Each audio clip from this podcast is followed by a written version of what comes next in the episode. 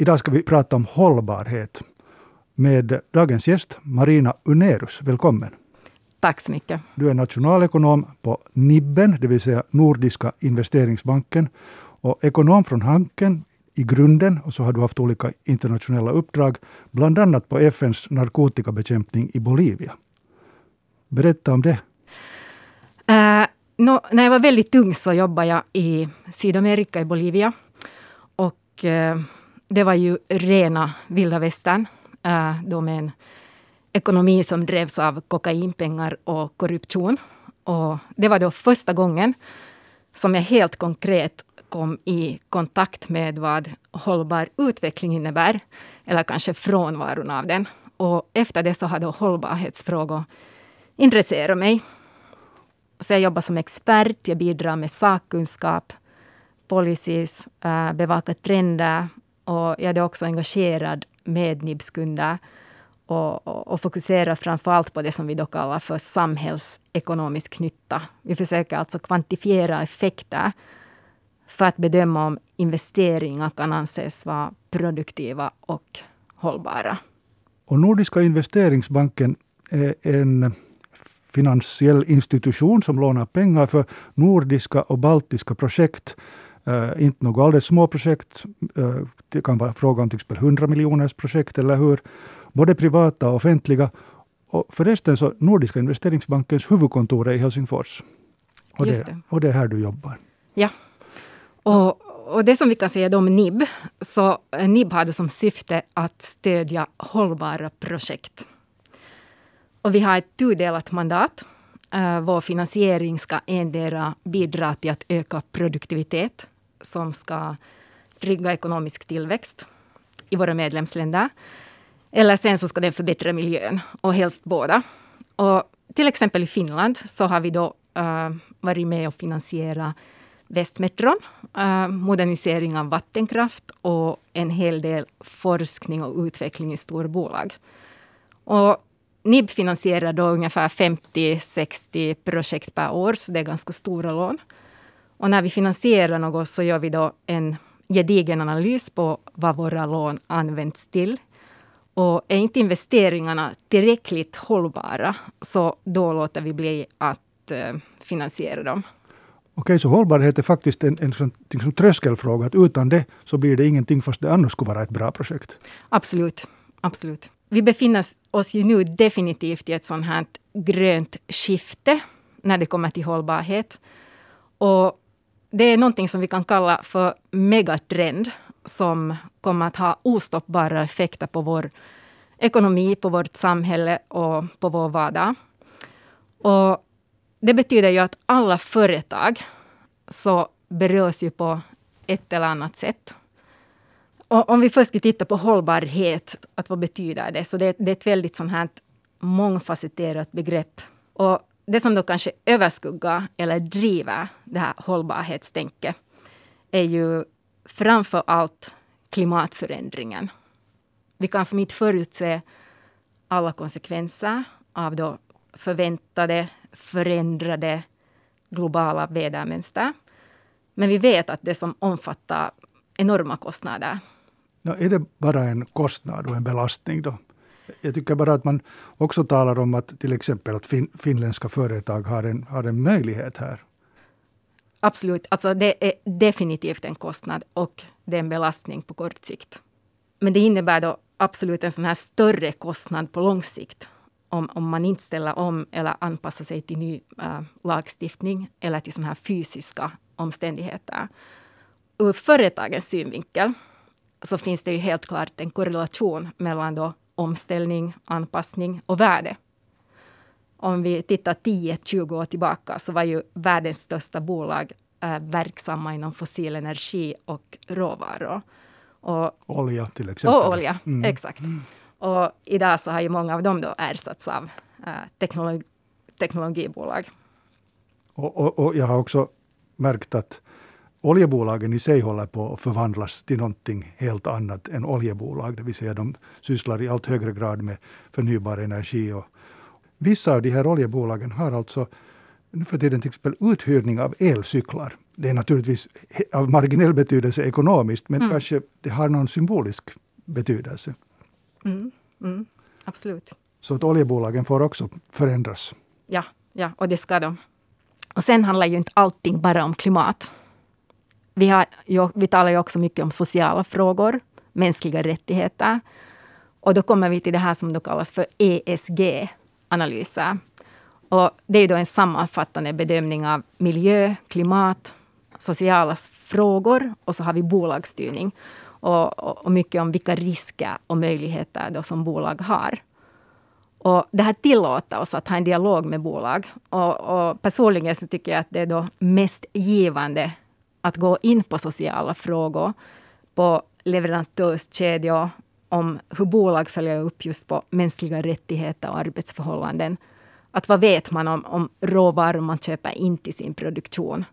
Och under vilka förhållanden utvinns de och framställs de? Och, och det här ger en helt ny äh, dimension till våra analyser.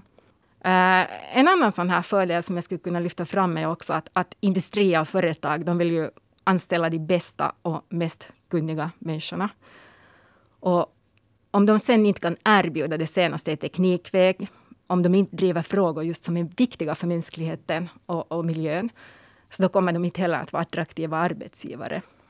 Så förutom att vi måste ta klimatet i beaktande, så kommer det ju att krävas ännu mera satsningar på humankapital, på forskning, på innovation. Och det är kanske då främst från det här offentliga som, som kan ha ett bredare perspektiv. Men, men också lika mycket just från näringslivet uh, för att vi ska kunna behålla den här ekonomiska uh, nivån vi har idag. Och ni, till exempel då Nordiska investeringsbanken som sitter som liksom sitter på pengarna, så ni sitter ju också, ni har en nyckelposition i hur ni styr upp vad ni finansierar, vad ni låter bli att finansiera. Mm. Så att eh, ni har också ett ansvar. Absolut. Till och med liksom moraliskt ansvar här, ja, ja. om man säger så. Ja, det, det, det, tycker jag man kan säga. Och, och det betyder ju att, att um, vi tittar på alla investeringar uh, som vi ska finansiera. Och uh, vi gör då olika sådana här konsekvensanalyser. Och en förutsättning just för att, att mäta en sån här då effekt och, och titta om ett lån, ett projekt är tillräckligt hållbart, det är just att, då att man avgränsar den. Så vi definierar ju alltid mål och eh, just förväntade effekter. Men nu kommer vi till det verkligt intressanta, det som du sysslar med, det vill säga sån här omvärldsanalys eller konsekvensanalys. Det som jag läste på bankens eh, hemsida kallas Impact Assessment. Och, och, och på något vis känns det ju sådär som att när världen förändras så otroligt snabbt och i oväntade riktningar, eh, så hur gör man en konsekvensanalys? Hur, hur kan man säga på, på förhand att okej, okay, vi lånar åt er 100 miljoner eftersom ni gör här en bra grej som kommer att bli bra. Hur vet du att den blir bra? No, vi gör ju antaganden. Och just som du sa, då, om vi gör då en, en sån här, vi försöker då mäta samhällsekonomisk nytta. Och, och det sysslar jag med. Medan mina kollegor kanske då mera sköter den här miljödelen. Men vi gör då antagande om, om direkta effekter av en investering och, och, och titta vad den har på ett företag. Till exempel hur den ökar konkurrenskraft, effektivitet, exportmöjligheter. Och sen tittar vi på spridningseffekter den här investeringen kan ha på ekonomin, på samhället på lång sikt. Och det här är ju förstås, det har ju som ett större värde men det är ju också mera ogreppbart. Och det här översätter vi sen då till indikatorer. Så en stor del av det här jobbet är just då att bevaka trender, framsteg och vi besöker, vi för dialoger just med låntagare, med myndigheter, med andra banker, med samhällsaktörer. Och, och sen tittar vi ju mycket på den här då rapporteringen. Och, och när det kommer just till hållbar rapportering så många företag så de har ju generellt blivit mycket bättre på kommunikation. Och, och, och det läggs verkligen ner mycket resurser på, på extern kommunikation. Men det kan vara lite så här luddigt ibland. Och, Talar vi nu om greenwash? Ja, man kan ju kalla det så. Och det tillför ju absolut um, inget mervärde. Ja, det vill säga bara för att definiera, alltså greenwash betyder att man låtsas vara mer grön, mer miljövänlig än vad man är. Just det. Ja. ja. Så, så vi måste ju ofta gå ganska djupt in och förstå verksamheten. Och, och vi har ju ramverk, vi har metoder. Vi följer internationella principer. Vi har ett poängsystem just för att kunna jämföra och prioritera projekt. Och effekterna, om effekterna inte är tillräckligt bra, så då låter vi bli att, att delta. Att mäta hållbarhet och, och just resiliens, som vi säger, det är utmanande. Och det är ett område som vi utvecklar kontinuerligt då med andra finansiella institutioner. Och vi har gemensamma indikatorer som vi använder just för att vara konsekventa och jämförbara. Och just nu finns det också otroligt många initiativ för hur vi ska mäta hållbarhet. Och det, det skulle behövas en gemensam standard på samma sätt som man gör upp ett bokslut. Vi har då EUs uh, nya taxonomi som ska implementeras. Och det är ju då ett verktyg för den här finansiella sektorn för att identifiera och för att jämföra miljömässiga investeringar som då anses vara hållbara och gröna. Kan du definiera lite mer noggrant vad, vad, vad betyder spridning? Om, om jag ska ge ett exempel på det kanske. ja, ja. Yeah. Nå, om du till exempel då tittar på vad ska vi ta, etableringen av en av eh, batteritillverkning. Om du tittar på det, alltså i industriell skala. Bra exempel. Då tittar man så här att, att vilka följdeffekter kan den här ha då för sysselsättningen, för forskning, för leverantörer och, och framförallt hur bidrar den då till att minska användningen av, av fossilbränslen i, i transportsektorn. Och det är ju en sak som kan vara ganska svår att förutse. Men att, att, att det gör man vissa antaganden. Jag kan också ta som ett annat exempel om vi tittar då på klimatanpassning. Och, mm, ett ganska intressant projekt är ju då utbyggnaden av Slussen i Stockholm. Den måste förnyas eftersom den här avbördningskapaciteten, så man antar att, att den inte kommer att räcka till då havsnivån då förväntas stiga. Och, eh, och det är då i förebyggande syfte. Och det här kommer då att förhindra översvämningar i Mälardalen som skulle kunna orsaka enorma skador just på elanläggningar, på fjärrvärme och avloppshantering eh, och, och, och, på vattenförsörjning eh, till ungefär två miljoner människor. Och då kan man ju säga att det kostar ju ganska mycket nu, uh, men att den här alternativkostnaden så skulle ju vara kolossalt hög i framtiden då, eh, om man tänker på alla skador som det här skulle kunna orsaka. Alltså, Slussens eh, bygg, byggplats har jag sett flera gånger när jag har kört förbi där. Med, med, man ser ju när man åker tunnelbana också. Och det är ju alltså någonting alldeles enormt. Det, det är så att man som vanlig människa har man inte en chans att förstå hela det där helheten. Men på hur lång sikt gör man till exempel då en sån här... No, jag vet inte om du kan ta det som konkret exempel. När, när du säger att, att vatten havsnivån stiger och att sånt här ska tas i betraktande så betyder det med andra ord att man tänker liksom 20, 30, 40, Man tittar ungefär till 2050. Till 2050 från, från alltså 30 år framåt. Ja, det är därför man just gör antaganden. Just det. Ja. Så att, med andra ord, här finns ett ganska stort osäkerhetsmoment Absolut, ja, i, ja. i det hela eftersom vi ju vet att vi inte alltid kan förutspå vad som händer. Men man måste ta åtminstone i betraktande det att havsnivån kan stiga, havsytans eh, vattennivån kan stiga så och så mycket och då kan det riskera som du sa, infrastruktur av olika slag, vattenförsörjning och el och så vidare. Ja. Och då är det bättre att, liksom, att inte ta risken för att det är så otroligt stor grej om det går åt, skogen. Just ja, det. Ja, Okej, ja. jag förstod rätt alltså. Ja, ja. ja. No, om vi då befinner oss mitt i en sån här stor omställning vad gäller både klimat och, och energi och miljötänk. Så hur bra tycker du att nordiska, och varför inte baltiska också, företag är i den här omställningen? No, jag skulle säga att, att eh, många nordiska företag så ligger ju generellt i framkant i klimat och, och miljöarbete. det är många som har ambitioner, de tar initiativ. Och eh, sen eh, just genom den här EU-taxonomin som är på kommande. Och e EU-taxonomin så är ju då ett, ett verktyg uh, som ska implementeras. Och det är ju då speciellt för den här finansiella sektorn. För att det ska bli möjligt att, att identifiera och, och, och jämföra miljömässiga investeringar som då anses vara hållbara och gröna. Och, och den här taxonomin så kommer ju då att öka trycket på rapporteringskrav från företag. Och eftersom då många nordiska företag, som jag sa, ligger i, i framkant, så kommer det här ju att gynna dem.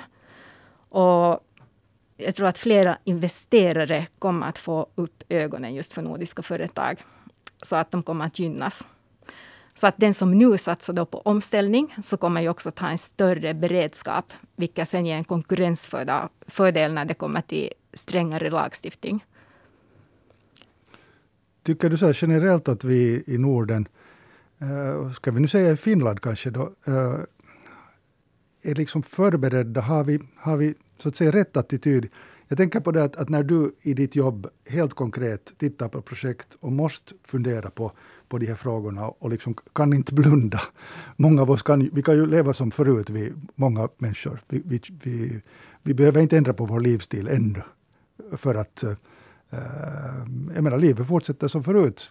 Sen fattar vi att det kanske kommer att förändras någon dag. Men har vi, tycker du generellt i, i samhället, eh, är vi tillräckligt framåt nu för att möta alla de här enorma utmaningarna som vi har framför oss? Mm. Nå, om vi har rätt attityd, jag skulle säga att det kanske som är unikt med det här nordiska samhället, så är ju att man har ju alltid varit tvungen att samarbeta, lita på människor. Vi har haft en liten befolkning, vi har bott glest, svåra förhållanden, stränga klimat. Så naturen så den har alltid varit vår viktigaste inkomstkälla. Så det finns lite i vårt DNA. Och det vi har brytt oss om, så det återspeglas också hos myndigheterna. Men samhällen de förändras och, och, just nu så behöver vi ju alla de här stora investeringarna då i, i framförallt energi och transportlösningar och jag menar, det är en mängd ny energi som behövs, till exempel att, att elektrifiera tillverkningen av stål. Den är ju fruktansvärt stor. Och, ja, det talas nu om att elektrifiera tillverkningen av stål, vilket är en ny grej ja, inom eh, stålindustrin, ja. har jag läst. Ja. För att inte tala om bilindustrin som ska börja eh, drivas med el också. Ja, ja. Så, så det, det ofattbara mängder el som ska till, komma någonstans ifrån. Så vi, vi, vi, hoppas väl då att det uppfinns nya metoder att skapa elektricitet. Absolut, det, det, det är den, en väldigt stor utmaning, alltså för hela Europa. Och, ja. Men det är den här typens projekt som ni finansierar också? Absolut, ja. Tack Marina Unerus för att du var med idag i Pengarnas värld. Det har alltså handlat om megatrenden hållbarhet och alla de utmaningar som finns. Men uttryckligen på det konkreta planet eftersom Nordiska investeringsbanken finansierar projekt och när ni finansierar så måste de vara hållbara. Om de inte är hållbara så finansierar ni inte. För att sammanfatta vår, vår diskussion idag, eller hur? Uh, ja. ja. Tack för att du var med. Uh, tack så mycket. Du har varit med i Pengarnas värld med Pekka Palmgren.